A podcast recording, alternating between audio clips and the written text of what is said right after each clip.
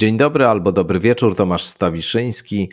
Kolejna odsłona podcastu Skądinąd przed Państwem. Czas straszny, nie ukrywajmy.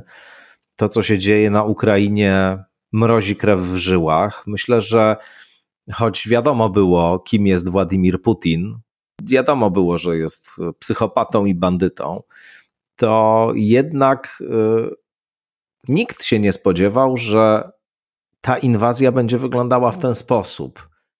Były różne spekulacje, e, uznawano, że oczywiście może dojść nawet i do przekroczenia granic e, Ukrainy i do przejęcia władzy przez Rosjan, ale że to będzie krwawa, regularna, brutalna, zbrojna inwazja, zbrojny najazd, e, w którym ginąć będą cywile, ginąć będą ludzie, bomby będą spadać na budynki mieszkalne, na szpitale. Tego myślę nikt y, do końca się nie spodziewał, a może tylko nikt w to do końca nie chciał wierzyć. No ale to się wydarza w bezpośredniej bliskości nas wszystkich, tuż obok. No i myślę, że to nie jest y, ostatni raz, kiedy e, w skądinąd będziemy się tym tematem zajmować. Dziś od strony takiej polityczno-psychologicznej, jeśli można użyć tego sformułowania. Będziemy po prostu się przyglądać e, temu wszystkiemu, co Putina e, do tej decyzji o inwazji przywiodło. Będziemy się zastanawiać, czy on działa racjonalnie, czy oszalał, bo i takie e, hipotezy są, że mamy tu do czynienia z jakąś dekompensacją daleko idącą i z czymś, co wybitna historyczka Barbara Touchman określała mianem szaleństwa władzy. No więc nad tym wszystkim będziemy się zastanawiać jeszcze przy okazji przyglądając się e, i strategii potencjalnej Putina, i temu, co się dzieje na Ukrainie, i temu wszystkiemu, co przychodzi ze strony zachodniej. E, z Anną Łabuszewską o tym pomówimy. Anna Łabuszewska jest jedną z najlepszych polskich ekspertek od spraw rosyjskich. Jest autorką e, bloga 17 mgnień wiosny, e, publikowanego na stronach Tygodnika Powszechnego. Ma też swoją rubrykę autorską w Tygodniku Powszechnym Rosyjska Ruletka. Można ją w Tygodniku Powszechnym czytać i zachęcam bardzo, żeby Państwo czytali teksty i analizy Anny Łabuszewskiej. Pomyślałem, że ona będzie bardzo, bardzo dobrą rozmówczynią do tego tematu, do tego momentu historycznego, dziejowego, w którym jesteśmy. No i cóż, zapraszam Państwa na tę rozmowę. No i zachęcam do tego, żeby pomagać na tyle, na ile to jest możliwe wszystkim Ukrainkom, Ukraińcom, którzy pomocy potrzebują e, i którzy gdzieś tam w naszej orbicie są. No i cóż, trzymajmy się, trzymajmy się wszyscy po prostu, pomagajmy sobie i przetrwajmy ten fatalny czas. Przed Państwem Anna Łabuszewska.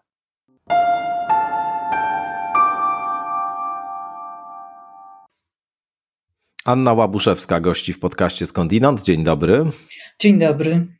Dziękuję, że się zgodziłaś na rozmowę. Pewnie jesteś bardzo zajęta w tych ostatnich dniach no, przez wydarzenia e, przyspieszyły i zaskoczyły. E, trzeba bardzo uważnie przyglądać się temu, co się dzieje. E, te wydarzenia są na dodatek przerażające, obciążające emocjonalnie. Rzeczywiście no, stało się coś, co zaskoczyło nas, i skala tego, też jest zaskakująca i e, okrucieństwo tego, co się dzieje, też jest takie, że no, trudno się pozbierać z tym. E, rzeczywiście od rana do wieczora, właściwie w nocy też e, słucham, oglądam, rozmawiam. Mm, staram się być na bieżąco, staram się zrozumieć to, co się wydarzyło i staram się zrozumieć, dlaczego tak się wydarzyło. I rozumiesz? Częściowo próbowałam to wyjaśnić, patrząc na to, jak rozwija się linia polityczna Władimira Putina. E, ten e, scenariusz siłowy gdzieś zawsze był, ale on był na dalekim miejscu.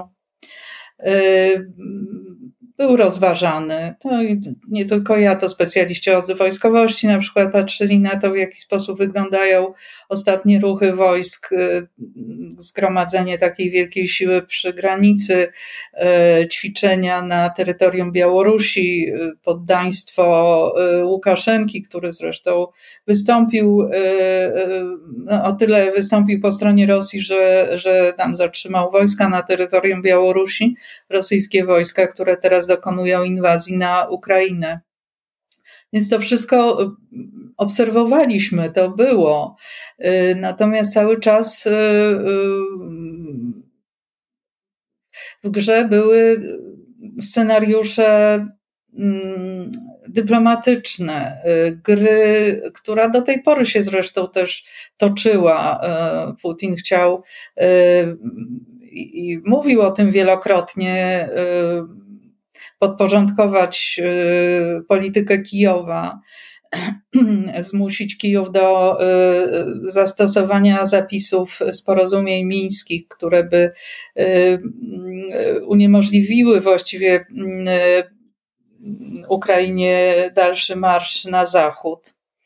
Ale podjął decyzję w ciągu kilku dni, przygotował taką operację specjalną, Mm, która już nie zostawia. W ciągu kilku dni pola. naprawdę? To jest jakaś taka informacja zweryfikowana? Czy to nie jest tak, znaczy, że on mogę... od początku wiedział, że właśnie w ten sposób zrobi? Y, ja myślę, że można to w ten sposób odtworzyć, że jednak pewnego dnia zapadła decyzja i potem były przygotowania. Y, I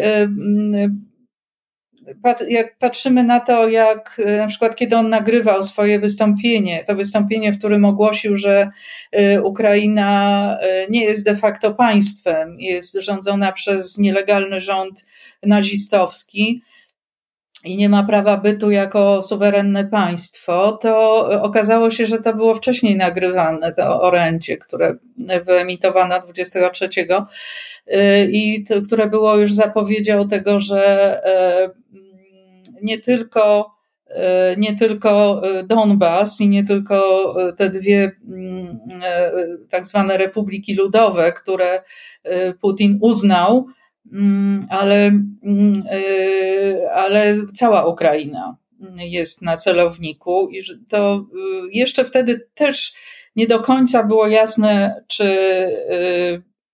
czy uderzy, tak, czy, czy dokona inwazji. No ale okazało się, że tak, poszedł na całość. Myślę, że machnął ręką na to, że świat zachodni będzie próbował wprowadzić jakieś sankcje. Machnął ręką na to, że będzie jakiś opór y, wewnątrz y, rosyjskiego społeczeństwa, bo to są rzeczy, z którymi on sobie poradzi nie radził sobie z uregulowaniem stosunków z Ukrainą co najmniej od ośmiu lat. Nie, Rosja nie miała dobrego pomysłu na to, w jaki sposób e, nawiązać dobre stosunki albo odbudować swoje wpływy. Te operacje Putina się nie udawały nie wiem, co się stało, że właśnie e, Putin postanowił przyspieszyć. E, napisałam w tekście dla mojej autorskiej rubryki w Tygodniku Powszechnym, Rosyjska Ruletka, że mm, e, był taki minister spraw zagranicznych Rosji i wieloletni szef wywiadu zagranicznego, Jewgeni Primakow, miał zwyczaj mówić, że dzień bez spojrzenia na mapę jest dniem straconym. E, myślę, że teraz Putin jest w takim momencie, że dla niego dzień bez spojrzenia w kalendarz jest dniem straconym i właśnie spojrzał w ten kalendarz, zobaczył tam e, datę 22 e, lutego 2022 roku. Postanowił wykonać wtedy historyczną akcję, żeby się zapisać w annałach. Zaczęło mu się spieszyć może też wykalkulował, że e, jeśli to jeszcze dłużej potrwa i Ukraina w dalszym ciągu będzie e, deklarowała swoją chęć marszu na zachód, to, to już potem nie zdąży. tam zagrało zapewne wiele czynników. To nie jest tak, że jeden czynnik sprawił, że, że Putin e, włączył ten wojenny akcelerator i, i przystąpił tak ostro do, e, do akcji.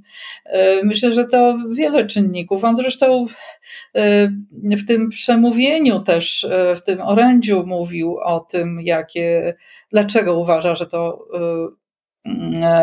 że, że to jest ten moment.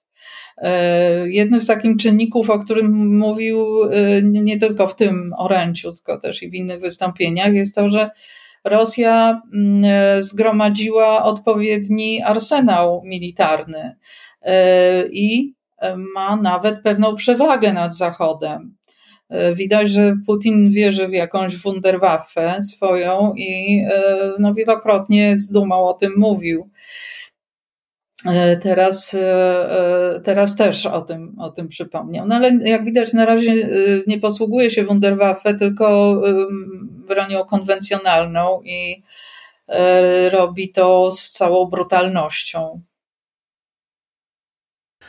Wiesz, przeglądałem sobie jeszcze przed naszą rozmową, ale, ale jakoś tam z tym byłem na bieżąco. Bardzo wiele różnych komentarzy, różnych analiz, które się mniej więcej w ostatnich dwóch, trzech miesiącach e, pojawiały na temat e, potencjalnego scenariusza tej sytuacji rosyjsko-ukraińskiej i w zasadzie nikt nie przewidywał, że to się zrealizuje.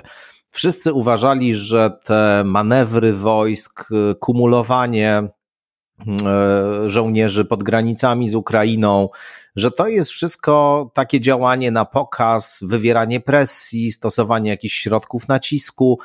E, także ukraińscy politolodzy, także ukraińscy mm, politycy byli bardzo spokojni i twierdzili, że z całą pewnością się to nie stanie, no bo nie stać na to Putina, e, nie będzie w stanie tego typu operacji przeprowadzić, wie, że to go na dłuższą metę pogrąży, nie jest szaleńcem etc., etc. Nawet e, jeszcze na kilka dni przed e, tą, tym ogłoszeniem, e, że Rosja uznaje te autonomiczne republiki, Doniecką i Ługańską, Eksperci sądzili, że jednak mimo wszystko Putin na żadne kroki inwazyjne się nie zdecyduje. No a zaskoczeniem było także to, co wydarzyło się teraz na dniach. My rozmawiamy w piątek 25 lutego. Państwo tej rozmowy słuchają w niedzielę. Sporo się mogło zmienić e, od tego czasu przez te dwa dni, ale akurat w przypadku tego typu rozmowy istotne jest, żeby podawać daty, kiedy się e, ona odbywa. Natomiast jeszcze przed tą nieszczęsną środą wszyscy byli przekonani, że jeśli E, już e, e, mamy do czynienia z tym uznaniem owych republik, to może on tym się zadowoli, na tym się zatrzyma.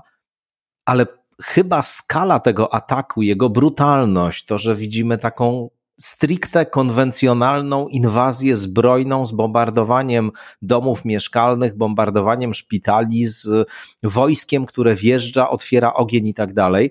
No to chyba zaskakujące jest e, dla wszystkich bez mała, że to w ten sposób wygląda. Co się stało?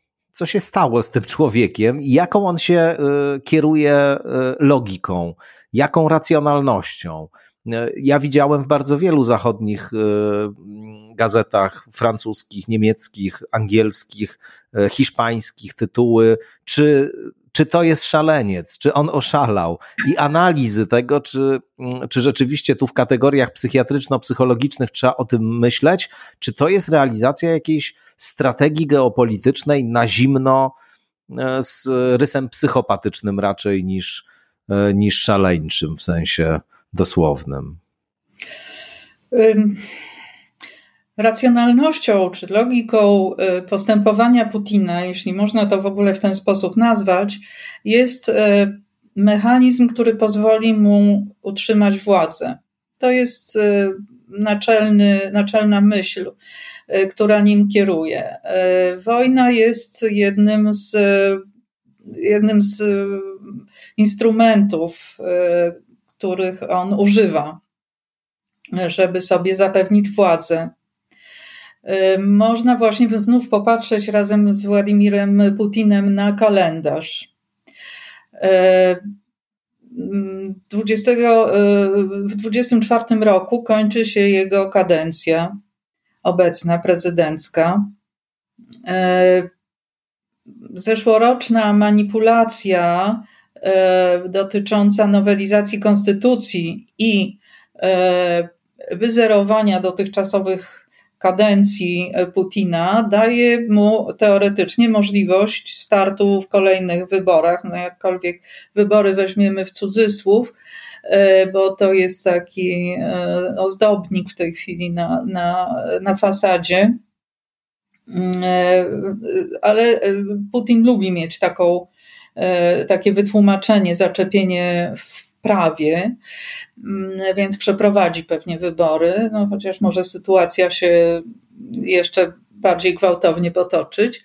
W każdym razie mm, zamierza rządzić dalej, no i musi zapewnić sobie jakieś paliwo do sprawowania te, tej władzy. E, przez ostatnie lata zwłaszcza, ale właściwie od początku rządów, porządkował e, sprawy polityczne e, w Rosji w ten sposób, aby mieć nad, nad kontrolę nad sceną polityczną.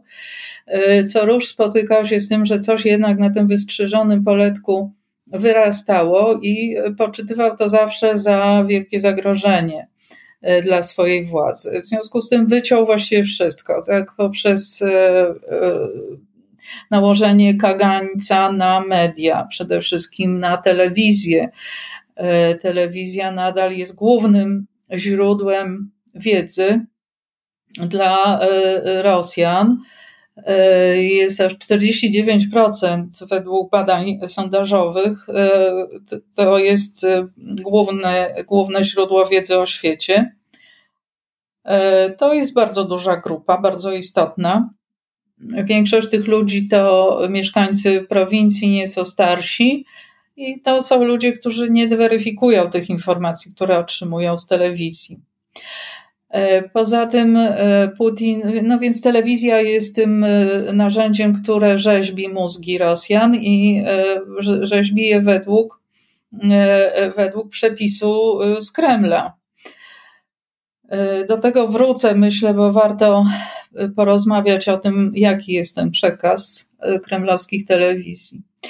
E, jeśli chodzi o porządkowanie i podporządkowywanie e, sceny politycznej, no to właśnie mm, wszelkie organizacje, partie, mm, grupy, które no jakoś tam dopuszczano na marginesie do, do działalności. Właściwie z chwilą, kiedy mm, wrócił w zeszłym roku Nawalny e, i kiedy Putin odtrąbił absolutne wyczyszczenie e, sceny politycznej ze wszystkich możliwych e, przeszkadzających mu ciał, i wszczął taką falę mm, represji wobec, wobec dysydentów, no to właściwie można powiedzieć, że ma całą scenę polityczną. No, zbudował wielkie, e, wielkie siły do e, e, rozganiania tych, którzy, którzy mu przeszkadzają. Mm, prawo jest naginane w taki sposób, żeby zakazać istnienia, zakazać działalności organizacji, którym przypięto Mm, albo y, łatkę, że są ekstremistami, albo łatkę, że są zagranicznymi agentami. Y, to dotyczy wszystkich niezadowolonych, to dotyczy wszystkich dysydentów y, i no, w ten sposób Putin dał sobie wolę do tego, żeby mm, każdego, kto będzie miał inne zdanie, wyeliminować w taki czy inny sposób, albo, go, albo mu właśnie zakazać działalności, to najłagodniej, a e, e, tych, którzy się opierają mimo to, e, na wiele lat do łagru można wysłać. No a dla tych, którzy się jeszcze bardziej opierają, to partię Nowiczoka przesłać. To jest okrutne, ale to się działo teraz przez przez ostatni czas zwłaszcza bardzo było wyraźnie widać. Mm, więc y, y, właśnie to, to, to ramię, które, te, te resorty siłowe, które zapewniają Putinowi egzekwowanie tych, tego, tego prawa, w cudzysłowie to, w cudzysłów to znów ujmuję, no to, to działa. To zresztą widać na przykład po, mm, po tym, że ostatnie duże demonstracje w Rosji odbyły się rok temu, ponad rok temu, kiedy wrócił e, Nawalny. E, Putin e, rozpędził te organizacje, którymi Nawalny kierował, ogłosił je właśnie ekstremistami, a uczestników demonstracji wybiórczo nie wszystkich, ale wybiórczo e, w pokazowych procesach skazał na wyroki duże. E, no, samego Nawalnego również. E, kolejny sfingowa, kolejna sfingowana sprawa toczy się teraz, dosłownie teraz. Nikt o tym nie mówi, ponieważ jest inwazja na Ukrainę i to jest temat numer jeden, ale rozprawa no, Nawalnego znowu postawiono przed sądem na podstawie wymyślonych, e, sfingowanych zarzutów i grozi mu 10 lat łagru za to. E, chodzi o to, żeby go nie wypuszczać w przyszłym roku, bo w przyszłym roku skończyłby się ten wyrok, który on teraz odbywa.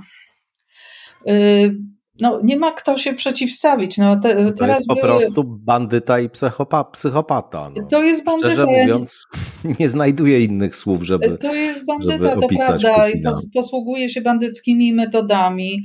E, chełpliwie się zresztą e, do tego przyznaje i e, on wyniósł pewne mm, mechanizmy zachowania z petersburskiego podwórka. On tam dostawał po uszach, był upokarzany, ale pilnie obserwował, w jaki sposób można się przeciwstawiać e, i nauczył się tego.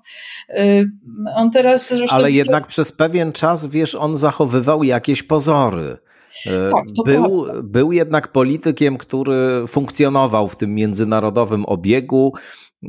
Oczywiście wiadomo było, że on dokonuje takich, nazwijmy to, moralnych transgresji, jeśli chodzi o swoich przeciwników politycznych i że wysyła te służby specjalne, truje ludzi, zleca morderstwa, wtrąca do łagrów, ale to wszystko było niejawne, e, na to bezpośrednich, oczywistych, stuprocentowych dowodów teoretycznie nie było. Oni się e, e, wypierali, myślę o rosyjskich oficjelach tego, zachowywano jakieś pozory. Tymczasem to, co zobaczyliśmy w tych ostatnich dniach, kiedy e, transportery opancerzone wjechały na Ukrainę, kiedy samoloty zaczęły zrzucać tam bomby, a Putin przemawiając tłumaczył, że denazyfikację będzie tam przeprowadzał i demilitaryzację i że każdy, kto spróbuje mu w tym przeszkodzić, zobaczy konsekwencje, jakich nigdy w swojej historii nie znał, to jednak jest jakaś jakościowa, bardzo poważna zmiana. Jakby maski ostatecznie opadły i to takie e, skrzywione, wściekłe oblicze rzeczywiście kogoś, kto zdolny jest do wszystkiego, nagle w pełnej krasie zostało ujawnione. Y, masz rację, to było y, coś nowego, właśnie zrzucenie maski. Y, Putin się bardzo lubił też w tym, w jaki sposób prowadził politykę, posługiwać takimi technikami wyniesionymi ze szkoły KGB.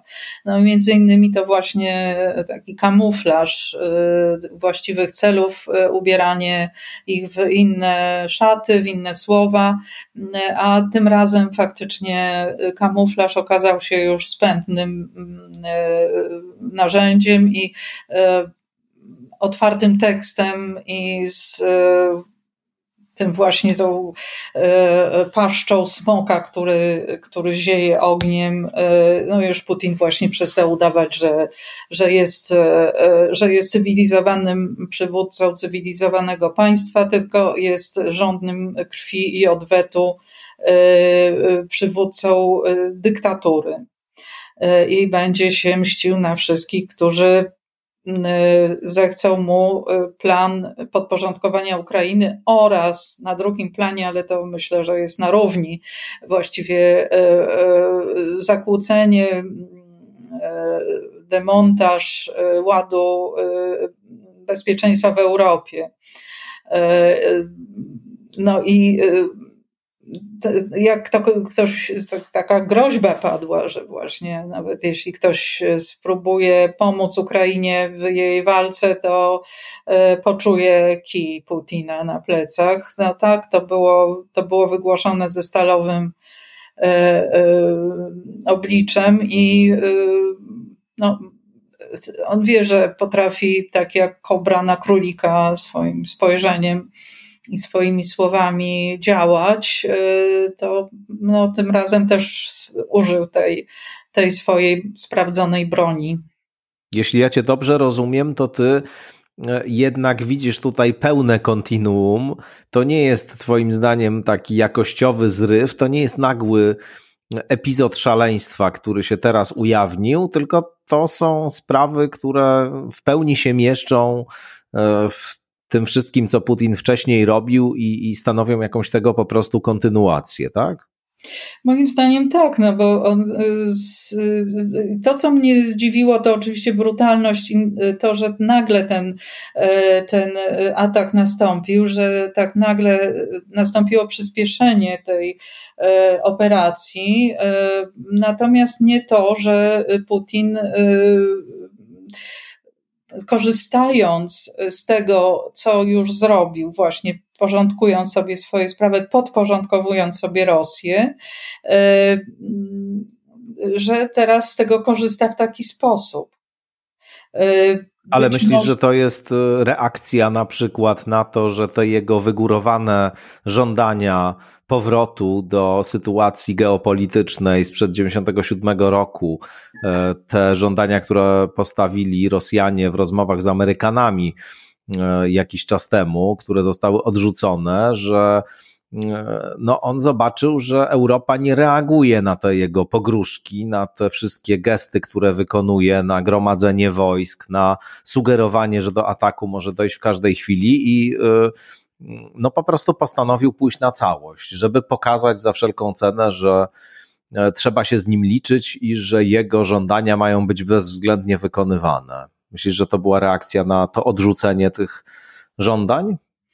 Y, częściowo tak, ale no cały czas wracam do tego, że yy, tak, no przecież nikt nie podważał legitymacji Putina do władzy w tej chwili, tak? Nikt w Europie. E, więc to nagłe wzmożenie w połowie grudnia no było jednak pewnym zaskoczeniem, że to tak idzie i wtedy już też można było postawić pytanie, dlaczego tak ostro, dlaczego w takim tempie. No, można się było spodziewać, że on dostanie odpowiedź odmowną na swój szantaż, na swoje ultimatum, że to nie jest styl, w którym europejska czy amerykańska dyplomacja zwykły rozmawiać.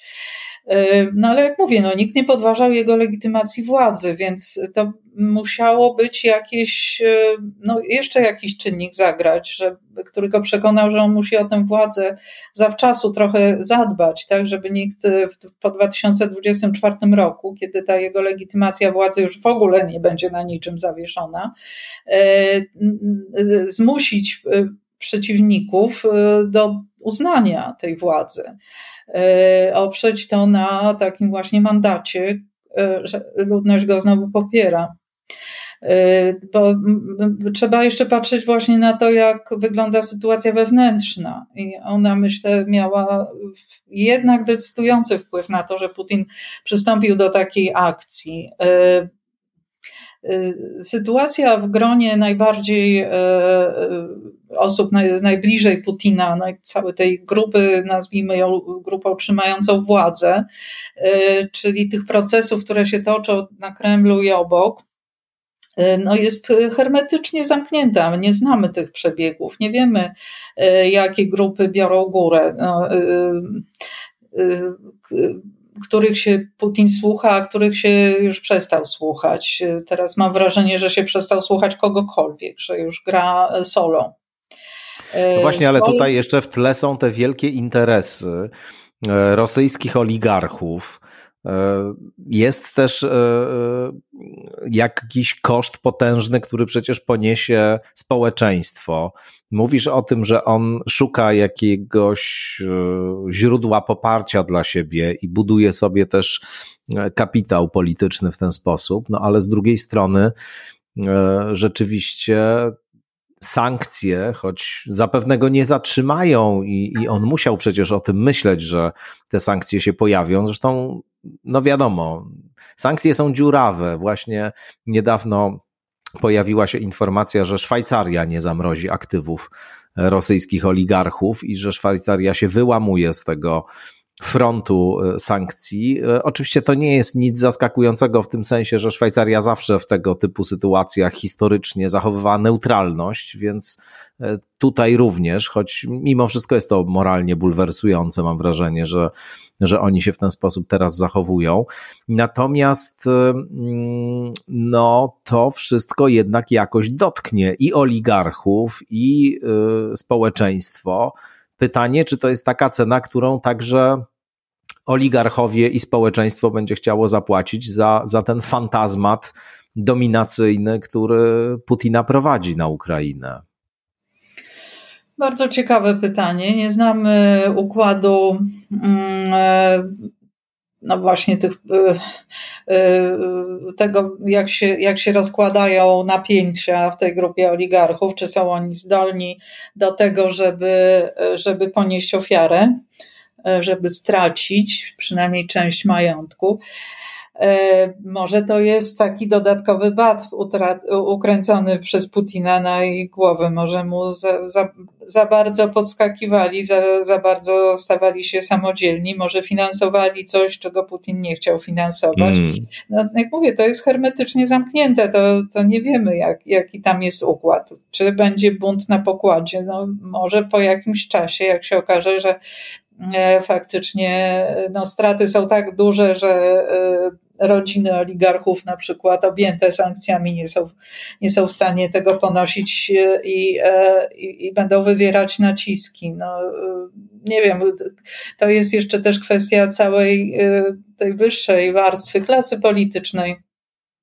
Ci ludzie od lat swoją rentę korupcyjną, bardzo wysoką, lokują na Zachodzie tam sobie kupują rezydencje, tam umieszczają e, pieniądze na kontach, e, tam e, kształcą dzieci. Jeżeli tam te żony i kochanki jeżdżą na zakupy, tak, tam w przystaniach stacjonują ich piękne jachty. No i to takie piękne życie, tak? W razie czego, gdyby się zaczęło palić e, w Rosji, bo na przykład zbuntowana ludność e, zechce ich wyrżnąć, to mm, no zawsze to zapasowe lotnisko właśnie gdzieś w okolicach Marbeli albo, albo na Lazurowym Wybrzeżu, no gdzieś tam z tyłu głowy ci ludzie mają. No nie wiem, czy będą chcieli to wszystko tracić, a przynajmniej na jakiś czas trzymać w zamrożeniu. Bardzo bardzo jest znamienne to, że Putin e, zaraz po tym, jak ogłosił, e, ogłosił inwazję na Ukrainę, e, pozostałe trzy osoby z najwyższego kierownictwa państwem wysłał za granicę. To jest bardzo ciekawe. Premier pojechał do Kazachstanu, pani przewodnicząca Rady Federacji Matwijenko pojechała do Tadżykistanu, a przewodniczący Dumy Państwowej pojechał na Kubę. No, Jak to rozumiesz? Dostali, dostali Jak jakieś zadania do wykonania, a być może Putin nie chciał mieć ich w Moskwie naraz wszystkich. No, też bardzo ciekawy zabieg moim zdaniem, bo świadczący o tym, jak, y, jak ta elita, jak, jak to kierownictwo państwa wygląda i jak jak nie ma tam żadnego zaufania i nawet Putin do nich nie ma zaufania. No, e, więc to zobaczymy. No, sankcje, sankcje e, nawet te, powiedziałabym, kosmetyczne i zbyt słabe, jakie ogłoszono do tej pory, e, też nie działają z dnia na dzień. E, nigdy tak. Ależ było. oczywiście, oczywiście. E, to, to jest proces dłuższy. No, poza tym właśnie oczywiście solidarność jest bardzo ważna i to, że Szwajcaria się wyłamuje, może nie dziwi, ale, no, ale właśnie jest moralnie nieprzy, nie, nieprzyjemna. Czy wszystkie pieniądze z rosyjskich, rosyjskich oligarchów e, z, zmieszczą się w Szwajcarii, to też nie wiem. I czy Szwajcaria będzie tak leciała po to, żeby oni, oni tam umieszczali swoje pieniądze. No, y, miało być inaczej, a teraz przyszłość rysuje się inaczej. Czyli tak, Putin oczywiście wiele lat temu, jeszcze kilkanaście lat temu bodajże, e, taki plan ogłosił, e, żeby E, pieniądze, które e, e, rosyjscy oligarchowie robią za granicą, trafiały do Rosji. To się tam nacjonalizacja chyba nazywało. Jakiś taki, jakieś takie hasło rzucił, nawet w przemówieniu głośno o tym powiedział, wezwał ten kapitał, żeby, żeby przywrócić i żeby ten kapitał z zagranicy wrócił do Rosji. No to się nigdy nie udało właśnie. Wręcz przeciwnie, kapitał z Rosji cały czas wypływał e, i oligarchowie, e, ci najwięksi, których widać zawsze, e, no albo nawet wręcz mieszkali za granicą, albo tylko tam robili pieniądze, ale no, kapitały trzymali w tamtejszych bankach. No to być może teraz będą musieli te, te kapitały, jeśli zostaną odmrożone, E, jednak przetransferować do Rosji. E, no, Putin podjął tę decyzję e, o inwazji na Ukrainę, mając przekonanie, że sobie poradzi, że sobie poradzi z tymi stratami finansowymi, jakie mogą nastąpić, ale no, stwierdził, że ma na to pieniądze, żeby przetrwać jakiś czas. No i właśnie przy okazji animusz y, inwestycyjny, mm, kapitałowy, gospodarczy generalnie ściągnąć do Rosji, żeby, żeby ci ludzie pracowali na rzecz Rosji. E, chociaż myślę, że takie zupełne zatrzaśnięcie się Rosji za żelazną kurtyną e, też nie jest w interesach e, gospodarki rosyjskiej, zwłaszcza na dłuższą metę. Ale myślę, że tak, że w tej chwili ta kalkulacja była taka, że damy sobie radę. Niech sobie robią, a poza tym Putin uważa za. Myślisz, że rzeczywiście sobie dadzą radę, że te y, sankcje, które zostaną nałożone, już zostały nałożone, nie będą wystarczające, żeby go powstrzymać. Chociaż oczywiście tutaj działa ten mechanizm, o którym powiedziałaś. Ta inwazja jest niezwykle intensywna, brutalna z wszystkich stron naraz. E, nie potrwa zapewne to długo, choć są tacy, którzy uważają, że e, rzeczywiście może tak być, że, że Ukraina będzie się długo i, i skutecznie bronić.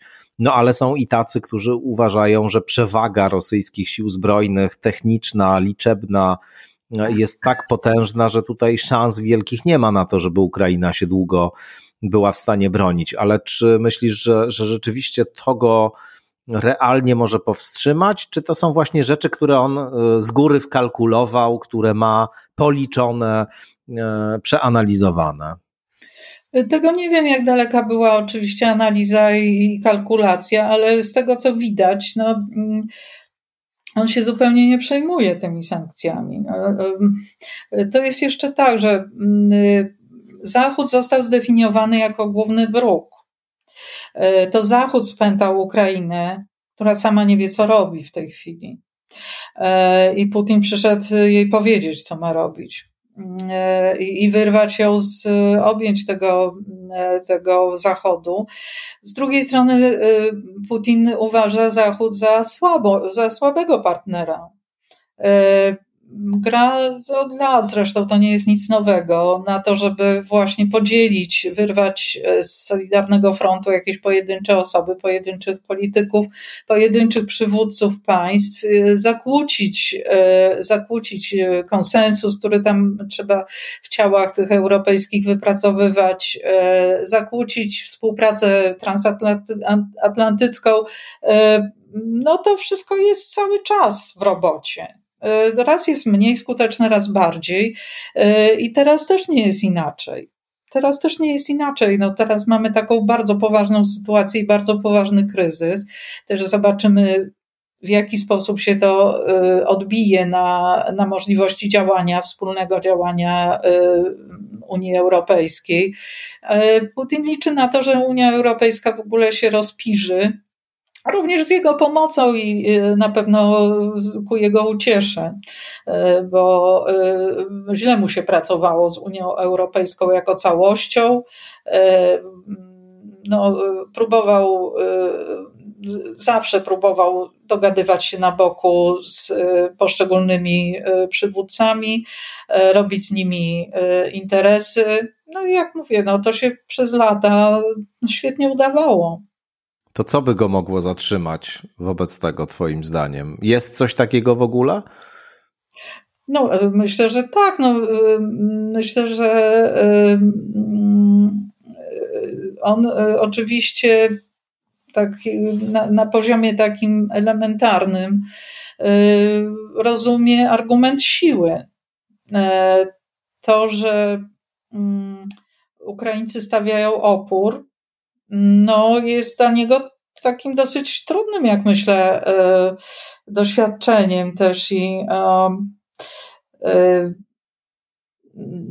to, to e, że od, na, na siłę, na brutalną siłę też odpowiadają siłą, no jest tak, no to próbuje y, przez instrument y, mm, informa- wojny, wojny informacyjnej, właściwie można powiedzieć dezinformacyjnej, y, sobie z tym radzić. Widzę po mediach społecznościowych, że są wbijane takie doniesienia siejące defetyzm i wśród Ukraińców, i wśród ludzi, którzy ich popierają. E, poza tym, no właśnie jest ta wielka ściana, e, e, wielka ściana propagandy telewizyjnej, która codziennie jest obecna w domach Rosjan i która ma wielką siłę przekonywania. A ten przekaz medialny mediów kremlowskich, głównie telewizji, jest taki, że Ukraina dopuszczała się ludobójstwa wobec e, ludności Donbasu. W związku z tym prośba o to, żeby uznać niepodległość tych republik ludowych była w pełni uzasadniona. Ich prośba o pomoc militarną była również w pełni uzasadniona. Mm, I w związku z tym no trzeba, mm, e, jak się powiedziało A, trzeba powiedzieć B, czyli e, e, zabić bestię, która, nazistowską bestię, która rządzi w Kijowie. I mm, ale on w to naprawdę wierzy, Twoim zdaniem, czy to po prostu jest naprawdę bezczelne kłamanie w żywe oczy z pełną świadomością, że się kłamie? Znaczy to jest, to jest linia propagandowa, która została przyjęta. Czy ktokolwiek w to wierzy z tych, którzy to głoszą, to jest Pewnie zupełnie nie. nieważne.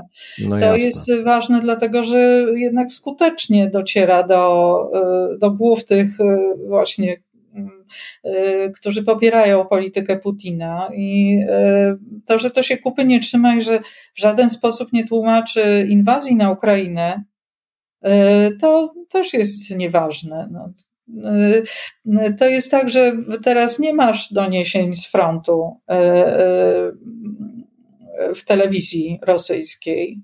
Są jakieś inscenizacje głównie. Mówi się o tym, że to Ukraińcy napadają, że to Ukraińcy zabijają bezbronną ludność cywilną na Donbasie. E, ta historia z wyspą Węży na pewno nie trafi do e, e, dzienników rosyjskiej to telewizji. Niesamowite, też, jeśli, też takie poruszające jeśli... totalnie rzeczywiście to, co tam się wydarzyło. Nie wiem, może ktoś z Państwa nie słyszał, ale ale no tam kilkunastu żołnierzy ukraińskiej Straży Granicznej stacjonowało na tej wyspie Węży na Morzu Czarnym. E, i, i rosyjski okręt, który tam podpływał, wzywał ich do złożenia broni, a oni odpowiedzieli rosyjski okręcie idzi na chuj. No i zginęli wszyscy. Tak, i ta historia jest rzeczywiście, zresztą nie bez kozery, opowiadana dzisiaj w wielu mediach. I jest takim właśnie symbolem też tej bezmyślnej, bezmyślnego okrucieństwa rosyjskich żołnierzy, którzy, jak się okazało, idą na tę wojnę. Nie mamy protestów, nie mamy dezercji w rosyjskich szeregach. Więc jak widać, ten sącz propagandowy, połączony z tym efektem zmrożenia strachem, no, okazał się jak najbardziej skuteczny. No, dzisiaj widziałam w, jednej, w jednym z portali rosyjskich zdjęcia przygotowujących się do desantu mm, czeczeńskich chówców. Kadyrow wierny piechur Putina no, wysyła do tego piekła swoich gołoworezów. Mm, no i y, to nie wygląda na to, że szybko się skończy. Dzisiaj Zełenski wystąpił z inicjatywą spotkania się z Putinem. Y, minister spraw zagranicznych Ławrow powiedział, że, że można przystąpić do rozmów, ale pod jednym warunkiem, że armia ukraińska złoży broń i się podda. E, no to nie wróży dobrze uspokojeniu sytuacji. No, Ukraina znalazła się w bardzo poważnym zagrożeniu. Prezydent Zełenski jest e, wskazywany jako przez, przez e, stronę rosyjską jako ten polityk niepożądany, polityk, z którym e, nie ma o czym rozmawiać. No, oni go po prostu będą chcieli zabić zwyczajnie. Myślę, że on przynajmniej tak to wygląda na teraz, nie jest zainteresowany tym, żeby uciekać, zostanie do końca. Mm, no, tragiczny los Tragiczny los. Miejmy nadzieję, że tak się nie stanie, ale, ale kiedy myślę o, o tej jego trajektorii e, politycznej, o tym, e, że startował w tych wyborach i że z e, aktorstwa, kabaretu i satyry przeszedł do polityki na takim szczeblu i teraz dzieje się coś takiego, no to, to trudno rzeczywiście jakoś nie pomyśleć, że, że to tragiczna, tragiczna postać. No. Miejmy nadzieję, że najgorsze się jednak nie wydarzy. No, Załęski faktycznie nawet przez właśnie do, do ostatka, jakby do momentu y, inwazji był pokazywany w rosyjskiej telewizji jako ten właśnie niepoważny człowiek, ten, który jest kabareciarzem i tym kabareciarzem jest cały czas, że jak jeździ na zachód i tam rozmawia albo na, występuje w Monachium na konferencji do spraw bezpieczeństwa, to też cały czas próbuje żartować, jest, jest, jest tym kabareciarzem właśnie nawet w polityce. E, chętnie przypominano te stare skecze, w których on e, zwracał się do Putina na przykład o pomoc, no taki był sketch.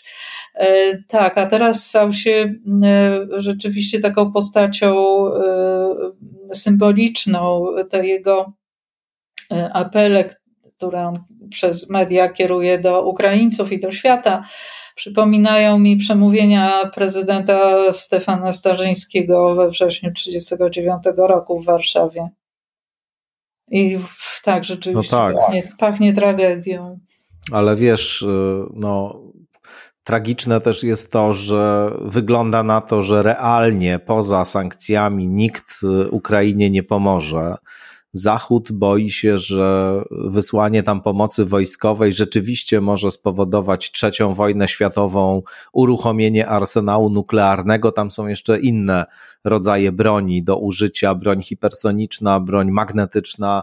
E, spory jest arsenał, e, którego można użyć, który właśnie dotąd używany jeszcze w konfliktach zbrojnych nie był, no ale ta oczywiście broń nuklearna jest takim najbardziej dramatycznym e, horyzontem, który powstrzymuje mm, kraje zachodnie przed interwencją realną, wojskową, a to jedyny chyba sposób, żeby zatrzymać Rosję. Sądzisz, że rzeczywiście taka interwencja sił zachodnich spotkałaby się z e, retorsją nuklearną, jeśli można tak powiedzieć? To już jest ostateczna. Czy Putin jest na to gotowy rzeczywiście, żeby rozpętać e, wojnę atomową? E, to jest taka ostateczna ostateczność. Muszę jednak powiedzieć, że Putin wspomniał o tym w swoim przemówieniu, że żeby tak, właśnie tak, tak. partnerzy pamiętali, że Rosja jest mocarstwem nuklearnym. Nie, no oczywiście on nie powiedział, że użyje tej broni. I, e, myślę, że pytany wprost e, nie, nie udzieliłby pozytywnej odpowiedzi na to. On zawsze mówił o tym, że to jest broń powstrzymywania.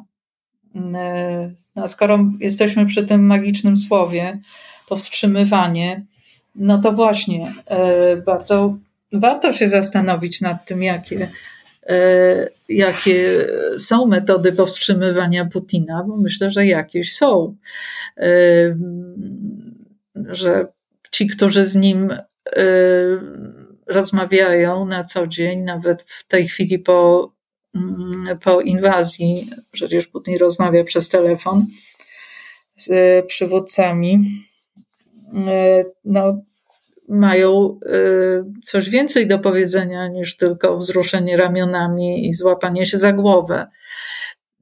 Y, jeszcze wrócę do wątku wewnętrznego, bo myślę, że nawet w tym kontekście właśnie naciskania czy nie naciskania guzika, to też może być y, ważny aspekt. Mianowicie chodzi o mm, o wierność Putinowi i o to, czy mm, znajdzie się ktoś, kto mu się sprzeciwi. E, myślę, że tego właśnie Putin się bardzo obawia, że ktoś z szalem albo tabakierką, jeśli e, sięgać do tradycji carobójstwa i spisków pałacowych, e, jeżeli się będzie w stanie podkraść i w ten sposób zakończyć rządy Putina. No Putin się tego być może obawia, dlatego e, wykonał taką akcję wobec swojego najbliższego otoczenia, ludzi, e, którzy powinni, e, którym on powinien ufać, no bo komuś trzeba ufać. E, i którym chyba do tej pory ufał rzeczywiście, może nie wszystkim, ale niektórym, i którzy powinni mieć zaufanie do samego przywódcy, żeby budować jego autorytet i też móc powiedzieć mu e, jakieś krytyczne zdanie, kiedy on ma pomysł niezupełnie e, pozytywny. No ale się okazało, że Putin się już nawet tego, tego nie chce. Nie chce mieć nie chce mieć takich zaufanych osób, że one już mu w tym momencie nie są potrzebne, e, że musi mieć e, steroryzowane e, otoczenie, otoczenie, któremu będzie tylko przytakiwać i wiernie wykonywać jego polecenia, nie podważać ich, czy nawet nie dyskutować, a po prostu wykonywać polecenia w strachu i posłuszeństwie. Skąd takie wnioski? Mm, oglądałam posiedzenie Rady Bezpieczeństwa Federacji Rosyjskiej, które było pokazywane w telewizji, jeszcze przed decyzją, przed podaniem decyzji o, o uznaniu Donieckich Republik Ludowych. Rada Bezpieczeństwa to, to grono, w którym podejmuje się najważniejsze dla państwa strategiczne decyzje. To szefowie służb mundurowych, ministrowie, premier, szefowie, przewodniczący obu izb parlamentu. E, ludzie, z którymi Putin pracuje właściwie od zarania dziejów, których zna bardzo, bardzo dawno, wielu z nich to są jego towarzysze z KGB jeszcze. I w chwili, kiedy ta, padł ten temat, właściwie nikt nie podjął dyskusji. Putin jak chłopaczków wszystkich stawiał do pionu, I wymagał od nich po prostu przysięgi wierności, tego, że tak, to jest świetna decyzja, żeby uznać te, te republiki.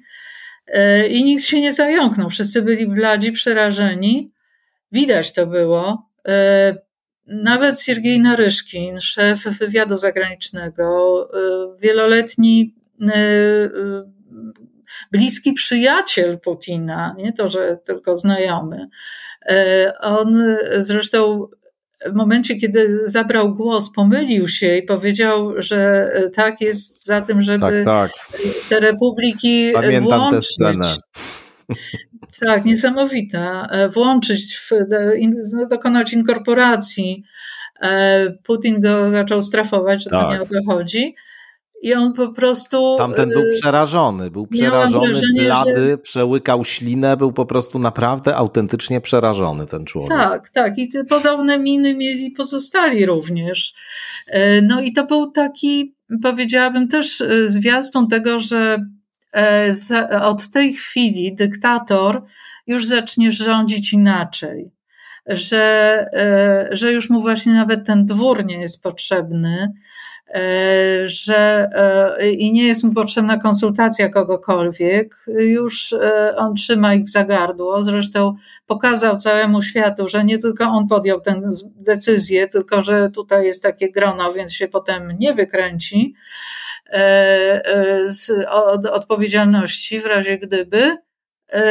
No i że już jednoosobowo podejmuje decyzje e, i nie liczy się ze zdaniem kogokolwiek. To może właśnie dotyczyć, e, wróćmy jeszcze do tego poprzedniego wątku, również e, tej, tego otoczenia biznesowego że Putin, który, który, o którym mówi się, że jest najbogatszym człowiekiem świata, że ma takie słupy porozstawiane, na, którym, na których te jego pieniądze gdzieś wiszą, w rajach podatkowych w Ameryce, nie tylko, mm, że Putin już też stwierdził, że piórkuje, że mu nie zależy.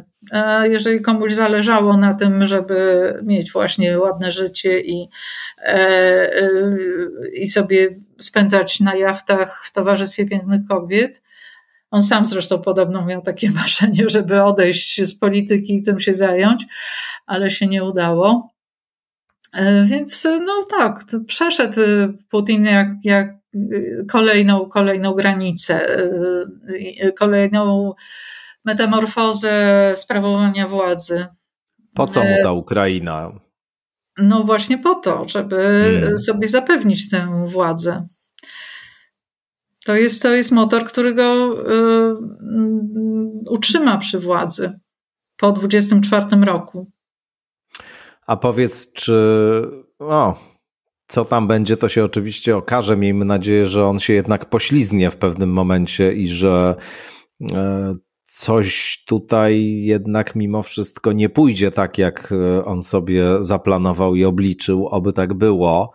Mm, ale zastanawiam się i wszyscy się zastanawiają, i ty też się nad tym zastanawiasz na pewno, e, czy to jest punkt docelowy? Czy ta Ukraina to jest y, etap, na którym on się zatrzyma, czy on pójdzie dalej? No, brzmi jednak bardzo proroczo słynne przemówienie Lecha Kaczyńskiego z Gruzji, e, który, który powiadał e, teraz Gruzja, potem e, Ukraina, później kraje bałtyckie, a później być może i Polska.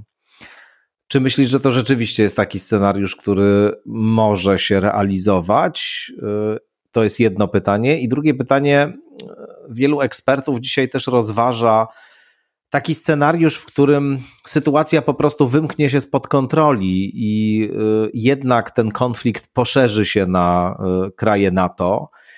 Tu Polska jest oczywiście krajem strategicznym ze względu na swoje położenie no, na przykład w takiej sytuacji, kiedy walki partyzanckie w Ukrainie będą się toczyły, e, będzie trwały opór stawiany e, rosyjskiej e, okupacji.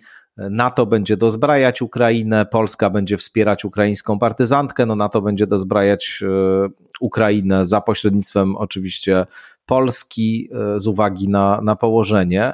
No i wtedy być może i Polska stanie się jakimś celem. Więc y, dwa pytania y, ze sobą połączone, czy to jest na tym, na dzisiaj, w jego głowie, oczywiście nie siedzimy w jego głowie, no ale rekonstruujemy to wszystko na podstawie tego, co on robi. Y, tylko ta Ukraina, czy on myśli już o dalszych etapach ekspansji? Jak się poczyta Aleksandra Dugina na przykład, który funkcjonował przez długi czas jako e, doradca e, Władimira Putina, no to wydawałoby się, że ten projekt Eurazji, o którym o którym Dugin pisywał, to jest jednak znacznie szerzej zakrojony aniżeli to, co teraz widzimy. No i drugie pytanie, czy, czy widzisz taką możliwość, żeby rzeczywiście te granice NATO zostały przekroczone i żeby się z tego zrobiła ta trzecia wojna światowa?